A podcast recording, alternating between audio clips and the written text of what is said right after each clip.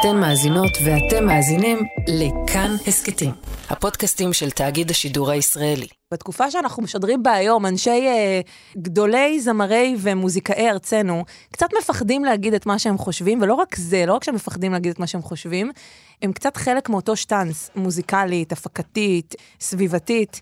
ואני רוצה שתמיד לנגד עיניכם תעמוד דמותו של קובי עוז. ושתראו שלא רק שזה נותן חיי נצח לשירים שלכם, כשאתם אשכרה. אומרים משהו, אלא בסופו של דבר זה גם משתלם.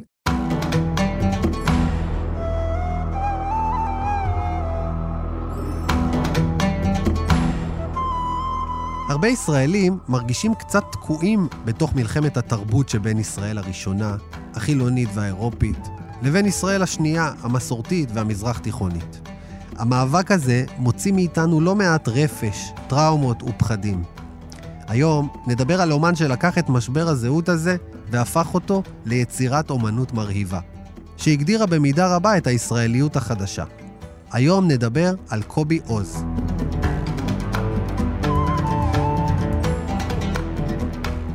ברוכות הבאות, ברוכים הבאים לשרשרת זהב. אני אופיר טובול, מזמין אתכם בכל פרק למסע לליבה של דמות מהעולם הספרדי והמזרחי. דרך הדמויות ננסה להשלים מעט מהידע החסר בסיפור הישראלי והיהודי שלנו. קובי עוז נולד בשנת 1969 בשדרות. בן יחיד שהתגלה כבעל כישרון יוצא דופן כבר כנער. בגיל 15 הוא הצטרף כקלידן ללהקה ששמה את המוזיקה המרוקאית על המפה, להקת שפתיים. ובגיל 19 כבר הקים את הלהקה שהפכה לשמו השני, טיפקס. להקה שפעילה כמעט ברצף מאז ועד היום. אם לסמן רק חלק מהדברים שהוא הספיק לעשות עם השנים, אז הוא כתב שני ספרים, הנחה תוכניות רדיו, כתב טורים לעיתונות, הקים קבוצה תל אביבית ללימוד גמרא, חברת תקליטים, ואפילו היה אחד המייסדים של מפלגה חדשה. את כל זה הוא עשה בדרכו הצבעונית והייחודית, שעליה אני רוצה לדבר עם מעריצה כבדה שהיא מוזיקאית בפני עצמה וגם שדרנית רדיו, לבנת בן חמו. אהלן לבנת. שלום אופיר, איזה כבוד. זה אתגר, אתגר רציני לדבר על קובי עוז אה, פרק זמן כזה קצר, אבל אני רוצה להתחיל אולי מהסוף. התיאור הזה של אדם שהוא כל כך רב-תחומי, כולו השראה אחת גדולה, נוגע גם באומנות ובהגות ובפוליטיקה, וכל דבר שהוא נוגע בו הופך לזהב. איך מייצרים כזה דבר? אני שואל אותך כ- כאימא, שנינו הורים לילדים קטנים, איך, איך מייצרים כזה דבר? וואי, שאלת השאלות, הבנות שלי קטנות, אין לי מושג. אבל מה שכן, אני, אני יודעת שתמיד הזהירו אותי, כל הזמן אמרו לי, מה, את לא יכולה להיות uh, גם, גם וגם, שדרנית גם רדיו, בזה." וגם כן. כותבת בזה, וגם מוזיקאית, וגם זה. ווואלה, פתאום שככה אה, הרגת את כל האלמנטים האלה ביחד, אני אומרת לעצמי, רגע, מה, מה זה את לא יכולה? כאילו, היו שם הרבה לפניי, קובי עוז אחת הדוגמאות המעולות לדבר הזה. זה עוד יותר במקומות שמהם אנחנו באנו. וגם קובי עוז באיזשהו מובן משדרות, אנחנו מאשדוד, אלה מקומות ש... שדמות כמו קובי עוז היא לא מובנת מאליו שם. כלומר, מה, מהבחינה הזאת שזה מקומות שהרבה פעמים אתה מרגיש אפור בעצם. זאת אומרת, החוויה הפריפריאלית, וקובי עוז הוא דמות צבעונית ברמות, כן? כולו צבע. נכון, אז אחד האלמנטים הכי בולטים חיצונית אצל קובי עוז, זה באמת, קודם כל איך שהוא התלבש מתחילת הדרך, גם איך שהוא אה, הסתרק בתקופה שעוד היה לו שיער, היה. שם- היה איזה קוקו שם כן. מאחורה. זה סופר יוצא דופן בפריפריה, אני לא זוכרת בסביבה שלי אנשים שמתלבשים ככה, והוא הלך על זה עד הסוף, ומה שמדהים זה שלמרות כל ה bling bling הזה, אה, זה לא, זה, זה לא כל כך bling bling, זה כזה, זה הרבה מעבר ל bling bling, זה מאוד מאופיין, כזה חליפות ממש צבעוניות. יש שיגידו אפילו מאפיינים של תרבות ה gays, כאילו, אבל כן. על בן אדם שהוא לגמרי סטרייט, הלך על זה עד הסוף, ועדיין זה לא גרם לו להיות uh, מוצא מהמחנה הפריפריאלי, זאת אומרת, הוא עדיין המשיך להיות מאפיין פריפריאלי מאוד מאוד בולט, מה שכן, בהמשך השנים הוא כבר נהיה סמל uh, ישראלי. זאת אומרת, uh, יש את הדלקת המשואות, שהוא היה חלק uh, כן. לפני כמה שנים, והיום הוא גם אפילו הקול של קמפיין uh, מרשם האוכלוסין, שכאילו ממש כזה... מצד אחד סופר חותמת, ממלכתי. הכי ממלכתי, בדיוק. כן, מצד שני מאוד לא מעונב, מאוד נכון. צבעוני, מאוד רב-תחומי. באמת אה, לא, לא דבר שכאילו הכרנו כילדים. מהאזורים האלה. לגמרי, אני לא זוכרת אנשים כמו קובי עוז בסביבה שלי. זה דבר מדהים, כאילו, שהוא הצליח לצמוח דווקא בסביבה הזאת, ושהוא לא נטש לגמרי. זאת אומרת, גם הסביבה לא נטשה אותו וגם הוא לא נטש. אתה יודע ואני יודעת שאנחנו גדלים בפריפריה ואחרי זה אנחנו עוברים למרכז ומתחילים לדבר את שפת המרכז, ומה שהכי קשה, לפחות אצלי, אני לא יודעת מה אצלך, זה, זה לחזור לאיפה שגדלנו ולהמשיך כן. לדבר באותה שפה. פתאום דברים הם לא פשוטים כמו שהיו. אני מצאתי קושי אפילו לדבר עם ההורים שלי בשיחות הכי פשוטות. אה, וקובי עוז, הציר הזה תמיד, אה, הוא, הוא נע בו מאוד בחופשיות. זאת אומרת, מהפריפריה למרכז, מדבר את שתי השפות אה, באופן מאוד שוטף. אה, וזה לא מרגיש מלאכותי וזה לא מרגיש משתכנז. כן, אגב, הוא אמר פעם אה, אה, על להקת טיפקס, הוא אמר, אנחנו כמו הילדים של כוורת ושפתיים ביחד. היכולת הזאת לדבר את שתי השפות, אבל לא רק לדבר את השפות, הוא פיתח את השפות האלה. הוא יצר מהם איזושהי יצירת אומנות שהיא גם היברידית חדשה מבין שתי העולמות, וכאילו זה נראה שהוא חי בתוך העולמות האלה לא כמי שיודע רק לדבר, אלא כמי שהוא, לא יודע, אולי איזה בן יהודה כזה שלה, שמחדש את השפה אפילו. זה לגמרי חידוש, כי לי זה ברור נגיד שכוורת אה, היא חלק מהאבות המוזיקליים של קובי עוז, אבל ההבדלים מבחינתי הם שמיים וארץ, אני, אני מעולם לא התחברתי לכוורת, לא בקטע רע. כאילו, ההומור הזה, אני לא יודעת, זה לא כל כך הצחיק אותי. וקובי עוז יש לו דרך, הוא, הוא כאילו לוקח את הנונסנס הזה ו... ו אה, מתרגם אותו למזרחית, אני לא יודעת איך הוא עושה את כן. זה, כי, כי זה לא בדיוק תרגום, זה הקטע, זה באמת הוספה של משהו חדש. משהו שאשכרה מצחיק אותי, כאילו, כשהוא אומר דברים, אפילו מה שהקראת מקודם, כאילו, עם הסוג של, אה, נו, סוג של תפיל אולי, כנימת עלים. אה, אני כזה מזמזמת את לא, זה. לא, באמת, אני ככה בדרך לפה הקשבתי לשירים, ללהיטים של טיפקס, ואתה מקשיב, אתה נקרא מצחוק תוך כדי. לגמרי. נקרא מצחוק וגם תופס את הראש, אומר, איזה גאון, אני לא מאמין, איזה גאון. וגם איזה מסר, כאילו, את אומרת, וואו, הוא עכשיו הרגע דיבר על אה, כל מיני, על עוני, על מסרים חברתיים, שכאילו אף אחד לא בכלל העז לדבר. תוך כדי, וכאילו, אתה מתבלבל, רגע, הרגע צחק, כאילו, הוא הופך את זה לאיזה מין קרנבל כזה.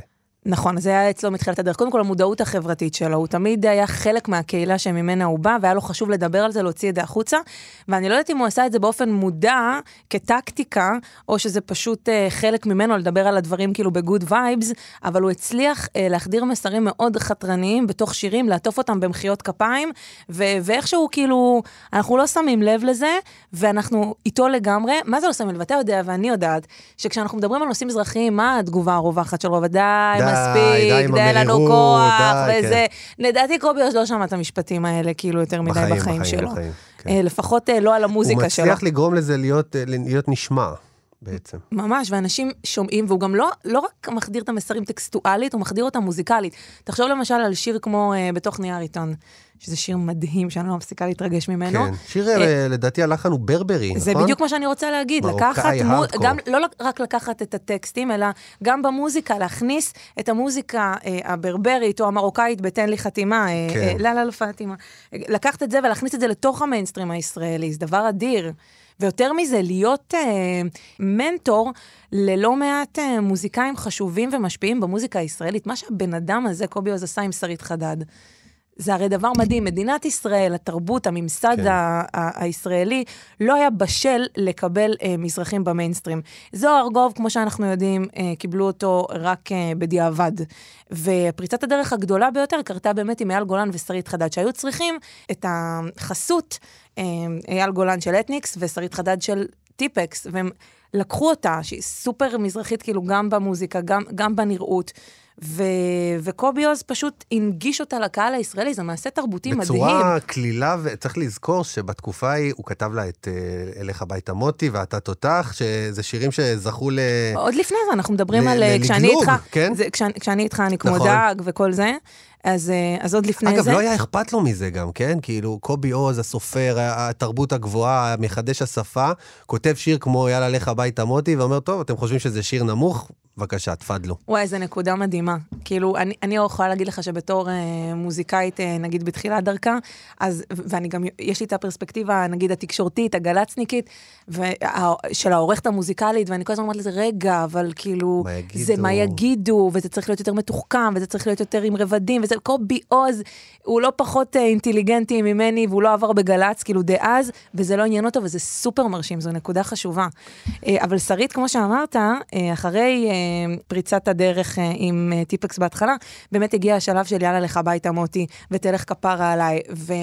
וקובי עוז הבין שיש מולו אישה מזרחית שיש בה הרבה עוצמות, שהייתה צריכה גם אה, להילחם בכוחות בתוך המשפחה שלה כדי לצאת החוצה ולהופיע, ו- ויחד איתה, יחד עם, עם מה שהיא הביאה איתה, הוא בנה איתה איזושהי דמות אה, מזרחית פמיניסטית לגמרי. אני, אני שונאת להגיד אה, פמיניסטית על, על נשים מזרחיות כן. מהפריפריה, כי תמיד זה מרגיש כזה אה, לא קשור, אבל אישה מזרחית חזקה, ש... ש... שאומרת למוטי, לך הביתה ואני לא צריכה אותך וכולי. ולא רק לך הביתה, היא גם כאילו, בתוך השיר, היא בעצם מצהירה, הרי חינכו אותנו אה, בפריפריה. יש לך מישהו, תתחתני איתו. היא לא. היא, מותר לי גם אה, שיהיה לי סטוץ. כאילו, כן. מותר לי מערכת יחסים קצרה, אני לא צריכה להתחתן איתך, לא מתאים, תתקדם, כאילו, ו- וזה דבר מדהים. ו- ולא רק עם שרית הוא עשה דברים. היה לו את לבנטיני, כן, את הלייבל. לייבל לבנטיני, שאגב, זה מגניב שהוא קרא לו ככה, כן, רפרנס לז'קלין כהנוב, גם קובי אוז, הוגה דעות, שהוא אחד האנשים שממשיגים דברים בצורה מדהימה. אה, הוא ממש פילוסוף.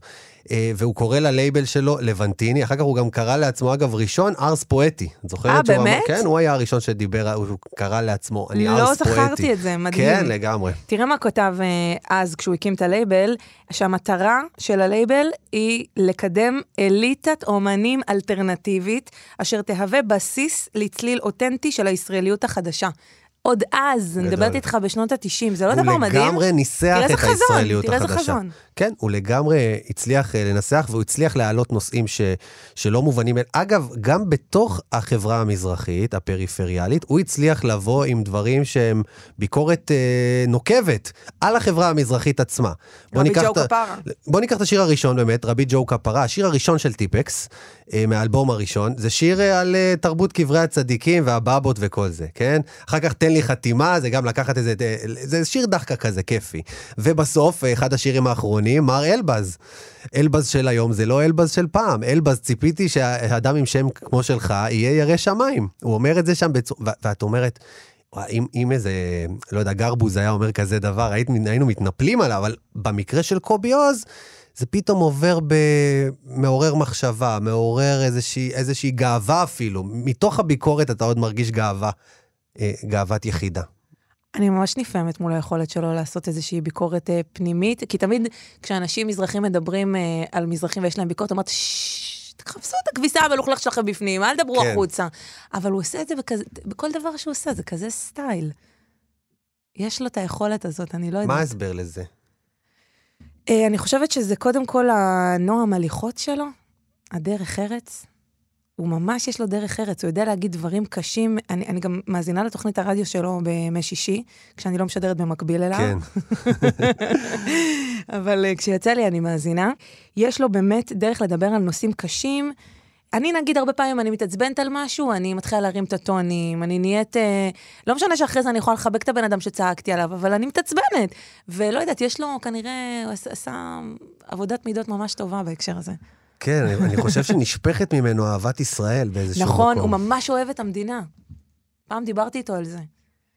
הוא ממש ממש אוהב את המדינה, אבל הוא לא מוכן להצניע ביקורת. אתה יודע שראיינתי כן. אותו כשהוא היה בן 50 לפני כמה שנים, והוא היה אמור לכתוב את שבט אחים ואחיות. זאת אומרת, את ההמנון. של אה, אה, גלגלצ, עשו איזה, לכבוד 70 שנה למדינה זה היה, ופנו קודם כל לקובי עוז. ואז הוא הביא להם שיר, שיר מדהים אגב, והוא הכניס בו חטופי תימן, הוא הכניס בו... וואלה. הייתה ביקורת, זה היה כנראה יותר מדי ביקורת. זה נפסל? אה, פר- זה נפסל, כן. אה, אבל הוא הוא לא מוותר על זה. אגב, כאילו- גם באירוויזיון, כן? זוכרת את אה, האפיזודה הזאת? דה באטם. טוב, תקשיבי, אה, קטע שבו הוא מתאר אה, את נעוריו. בנעוריי חשבתי שההורים שלי צבועים. הסתירות הפנימיות בבית הוריי זעקו דרך הסדקים בהיגיון הנעורים שלי. לא הבנתי איך שמים פלטה בשבת, ובאותה נשימה נוסעים לים. לא הבנתי איך מצד אחד עובדים חודשים כדי להכשיר את הבית ולבער בו את החמץ, ומצד שני לא טורחים לקרוא את החצי השני של ההגדה של פסח. לא הבנתי איך מכבדים את כל החגים, ובכל זאת משתדלים להתחמק ככל האפשר מלהתפלל בבית כנסת. ההורים שלי חיו מתוך סתירה פנימית. אבל לא רק הוריי, רוב המבוגרים שמסביבי היו רב פרצופיים, או לפחות דו פרצופיים. תראו איך הוא מתאר את סבא שלו. סבא היה רב מועל, פייטן, שוחט, שנראה דומה יותר לצ'רלי צ'פלין מאשר לרב חרדי. הוא היה אדוק, אבל ישב ליד שולחן מרוחק כשהיינו רואים טלוויזיה בשבת. מעולם לא כפה עלינו לשנות את אורחותינו בשמה של דת משה וישראל. מה את אומרת על הדבר הזה? קודם כל, איזה מרגש זה לשמוע את התיאור הזה, את הרב פרצופיות. בתור בת למשפחה דתית, לא, לא נחשפתי לחצאים האלה במשפחה הגרעינית שלי, אבל כן במשפחה המורחבת. וכן, אני זוכרת גם את הביקורת שהתלוותה לאורח החיים הזה עם השנים, כשהתחנכנו במוסדות שהם יותר דתיים, כאילו לא באמת דתי, חצי דתי, יעני דתי. אהבתי ממש את התיאור של הסבא, זה ממש מראה כן. מאיפה הבן, הבן אדם הזה צמח, זאת אומרת, מה, מה קרה הגידול שלו. אני חושבת שהחצאים האלה גרמו לו להיות אה, כל כך אה, מורכב וסובלני לכל ה... הוא אומר כאן, הצביעות של הוריי הפכה אצלי לצבעוניות. זה חלק אה, מאוד מאוד מרכזי בהוויה המזרחית, מה שהוא מתאר. יש בזה המון קסם ויופי בלהגיד, המשפחה היא קודמת לכל, היחסים בינינו קודמים לכל, עוד לפני הלכה כזאת או אחרת. זה יפה. מהמם. והוא אחד הקולות הבולטים אה, של הדבר הזה בזווית החיובית של זה. תגידי, אה, מה השיר האהוב עלייך של טיפקס? אם, מה? מה זה השאלה הזאת? את קלה. כן. אה, יואו. אני יכולה כמה? יאללה, נו, תעשי לנו מצעד. קודם כל, בתוך נייר עיתון, זה שיר חזק, אני, אני באמת, כמו שאמרתי לך, לא, לא מפסיקה להתפעם ממנו עם השנים. היכולת uh, באמת לתאר את השוליים של החברה הישראלית, ו- ו- ולהגיד לנו, חבר'ה, אתם חושבים שאת, שאתם עכשיו נמצאים במקום בטוח? הנה זה בא, הנה זה בא. כאילו, זה, זה יכול להתהפך ולבוא עליכם. Uh, יש את אם ואחות. התה לא, זה אחד השירים הפחות מוכרים. אם ואחות, שגם זה מכניס uh, מאוד את ה... זאת אומרת, את הרגישות שלו גם uh, כלפי נשים. אני מאוד מאוד אוהבת את שיר על מצוקה שכונתית. מין שיר מחאה. כאילו. בטח. גם המחאה זה... של קובי עוז היא מחאה אחרת, זה לא... זה שיר מחאה על לא פרויקט, לא מה שהיה פעם אה, נקרא שיקום שכונות. כן. כשהוא אומר בעצם, אני לא זוכרת בדיוק את המילים, אבל גם אם uh, תשתול לנו פרח ותבנה ותצבע לנו את הבית, כאילו זה לא שינוי מהותי, זה לא, זה לא מתקן את היסודות כן. של האפליה. וואי, יש עוד מלא. טוב, תודה ששאלת. אה, אני במקום השני, יש לי זיכרון, תראי, קודם כל, אה, זיכרון ראשון מהבר מצווה של אחים שלי, השיר "אם יפול גורלה". זוכרת את השיר הזה? מה זה? אני זוכרת, אם יפול גורלה, אז ודאי שהטיח מז'לה. מה? את קולטת מה הוא אמר בשורה הזאת? איתך מז'לו. היא לו איזה קללה במרוקאית שהוא הפך אותה. ואתה יודע לך שהיינו רוקדים את זה בהפסקות כן, בבית ספר. זה היה להיט. זה היה להיט. זה היה להיט, זה נשכח קצת השיר הזה. מה זה נשכח? אתה יודע למה זה נשכח? כי זה לא משודר בגלגלצ. אוי, שאתם. יש אה, שירים, אה, אני אוהב, אוהב, אוהב אותך. חולה על העוטף. מוריס אלמדיוני, שייח' מואיז'ו, כן, זה שהוא לקח שיר של... אנא מחבק, כן, מדהים, מדהים. העוטך הזה, איזה גאוני זה להגיד עוטך. אתה יודע כמה מזרחים אני מכירה, מבוגרים שאומרים עוטך? אני אוהב אותך. כן, והוא אומר, אני אומר, אני אוהב אותך. אני לא מתקן פה עכשיו את השפה של מואיז'ו, כי זה היפה. אתה יודע כמה הייתי מתקנת את אבא שלי? אבא שלי יש לו כל מיני כזה שקולד, נגיד, לא משנה כמה נגיד לאבא אומרים שוקולד, שקולד. ויש לו גם את העוטך לפעמים. קובי עוז היה הופך את זה לשיר. את השוקולד? לגמרי. אתה אומר, ואולי מקום ראשון, אני לא יודע אם זה מקום ראשון או לא, אבל אה, אה, נשיקה לדוד. השיר הכי ישראלי שיש, וואו. כאילו בשיר נשיקה לדוד הוא מביא בדיוק את כל הבעיות ואת כל הצרות ואת כל זה. של המשפחה. שכן, ובסוף אל תשכח פרופורציות, תגיד תודה שיש לנו מדינה, תגיד תודה שאתה מסתובב בחו"ל, כאילו, ש, החיים יפים. כאילו עכשיו אני אעריך הרבה יותר את השיר הזה, נשיקה לדוד. לפני כמה שנים תיאטרון באר שבע עשה אה, מחזמר מדהים. כיפי, ואתה יודע, אנחנו מדברים פה, כאילו לנו זה ברור שקובי עוז זה נכס צאן ברזל, מה שנקרא, אבל אתה יודע שזה, לא, אנשים רק בשנים האחרונות צריכים להבין את מידת הגאונות שלו. למשל, קאמרי, בימה, אז אה, לא לקחו את הרעיון הזה. זה היה לא מובן מאליו, כן. כן, דווקא תיאטרון באר שבע, אה, ומזל שזה קרה. וואו, זה היה מדהים אגב. את חושבת שהשם קובי עוז, או הדמות הזאת, תהיה כאילו מהקלסיקנים של התקופה הזאת? אני חושבת שקובי עוז, אה, הוא כבר בנצח. כן? אין לי ספק. הוא מאוד מאוד מאוד ייחודי, הוא עשה דברים מאוד מיוחדים, וה... וכל הצדדים האלה יוצרים משהו שאי אפשר להתחרות בו. זה כאילו, מעניין גם מאוד הזאת. לאן הוא ילך מכאן, נכון? וואי, תקשיב, הוא עשה הכל. אמרת בהתחלה, אבל, אבל, הוא עשה הכל. אני חושב שהוא עוד, עוד ייכנס גם לפוליטיקה, יש לי איזו תחושה כזאת. אתה כן, חושב? כן, כן, כן. אני... אני רואה אותו שר חינוך, כן. אני לא... אתה רוצה שהוא... וואי, כן, זה יכול להרוס אבל מלא רוצה- דברים. אני מאוד רוצה שהוא יהיה שר חינוך, ואני... אה, אה, אני חושב שזה יכול להיות עוד צד באישיות שלו, שעוד לא הובלט מספיק, והוא לא אמר את המילה האחרונה. אבל אחרי שאתה. עובר לפוליטיקה, אתה כבר לא, יחזור, לא, לא יכול לחזור להופיע על במות ולהיות נכון, הבן נכון, אדם הכיפי נכון. והמצחיק. אני, אני קצת לא רוצה שזה יקרה. בא לי כאילו שישמר לי הקובי עוז המוזיקאי. וואו. לא? נחשוב על זה, נחשוב על זה, ובאמת אה, אנחנו מאוד מסוקרנים לטובת אלה שמאזינים לנו בעוד עשור. לאן קובי עוז הגיע? כי הדמות המרהיבה הזאת, כמו שאמרנו בהתחלה, כל דבר שהוא נוגע בו הופך לזהב, וזה, אה, ואני באמת, אה, לא משנה אגב במה, אבל לכל מקום שהוא ילך, זה מאוד מסקרן לראות את התרום, אה, איך תימשך התרומה שלו לתרבות הישראלית. אני, אם אנחנו כבר מדברים על העתיד, אני יכולה, יש איזה זמן ל, כן, לעוד איזה קריאה? אמ, אני, אני רוצה להגיד משהו. בתקופה שאנחנו משדרים בה היום, אנשי אה, 2042, אה, בתקופה הזאת, אה, גדולי זמרי ומוזיקאי ארצנו קצת מפחדים להגיד את מה שהם חושבים, ולא רק זה, לא רק שהם מפחדים להגיד את מה שהם חושבים, הם קצת חלק מאותו שטאנץ, מוזיקלית, הפקתית, אה, סביבתית. ואני רוצה שתמיד לנגד עיניכם תעמוד דמותו של קובי עוז. ושתראו אה, שלא רק שזה נותן חיי נצח לשירים שלכם, כשאתם אשכרה אשכרה. אומרים משהו, אלא בסופו של דבר זה גם משתלם. זאת אומרת, הנה, אנחנו יושבים היום ומדברים על קובי עוז. אתה יודע, קובי עוז קיבל תוכנית אה, ביום שישי ברדיו הישראלי, זה קדוש. ומוזיקאים אה, ששידרו במשבצות האלה, זה אנשים, אה, שלמה ארצי, יורם גאון. קובי עוז בגיל מאוד צעיר קיבל את המשבצת הזאת, הוא כאילו איש רוח. ואני חושבת שלא רק שלא לא צריך לפחד, צריך ללכת על זה בכל הכוח. כאילו, נכון שצריך את מידת הסטייל ו... של כן. קובי עוז כדי לעשות את הדברים בצורה אה, באמת ש... שתערוב לחך של האנשים. אבל, אבל לא כדאי לפחד מזה, לא צריך לפחד מזה. בקיצור, תהיו קובי עוז. כולכם. אני מאחלת לעצמי כן, אה? להיות קובי עוז, לגמרי. אבל אין לי סיכוי. לא תודה. רבה לך, לבנת בן חמו. היה, מה זה מעניין. תודה דיברנו רבה, על דמותו אופיר של טובול. קובי עוז.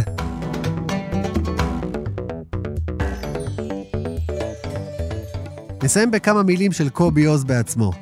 אני מכור לריבוי, מייצר מעצמי מרקם של דמויות שאני משסה אותן בקהל המאזינים, הצופים והקוראים. עם השנים למדתי לחיות כגנן בגינת הפרא של אלמנטים מנוגדים. אני מטפח את הכאוס הזה. האזנתם להסכת שרשרת זהב, אורחים ניר גורלי וערן ליטבין, עריכת סאונד ומיקס תמיר צוברי. פרקים נוספים מחכים לכם באתר ויישומון כאן, ובכל מקום שבו אתם מאזינים לפודקאסטים. אני אופיר טובול, נשתמע בפרקים הבאים.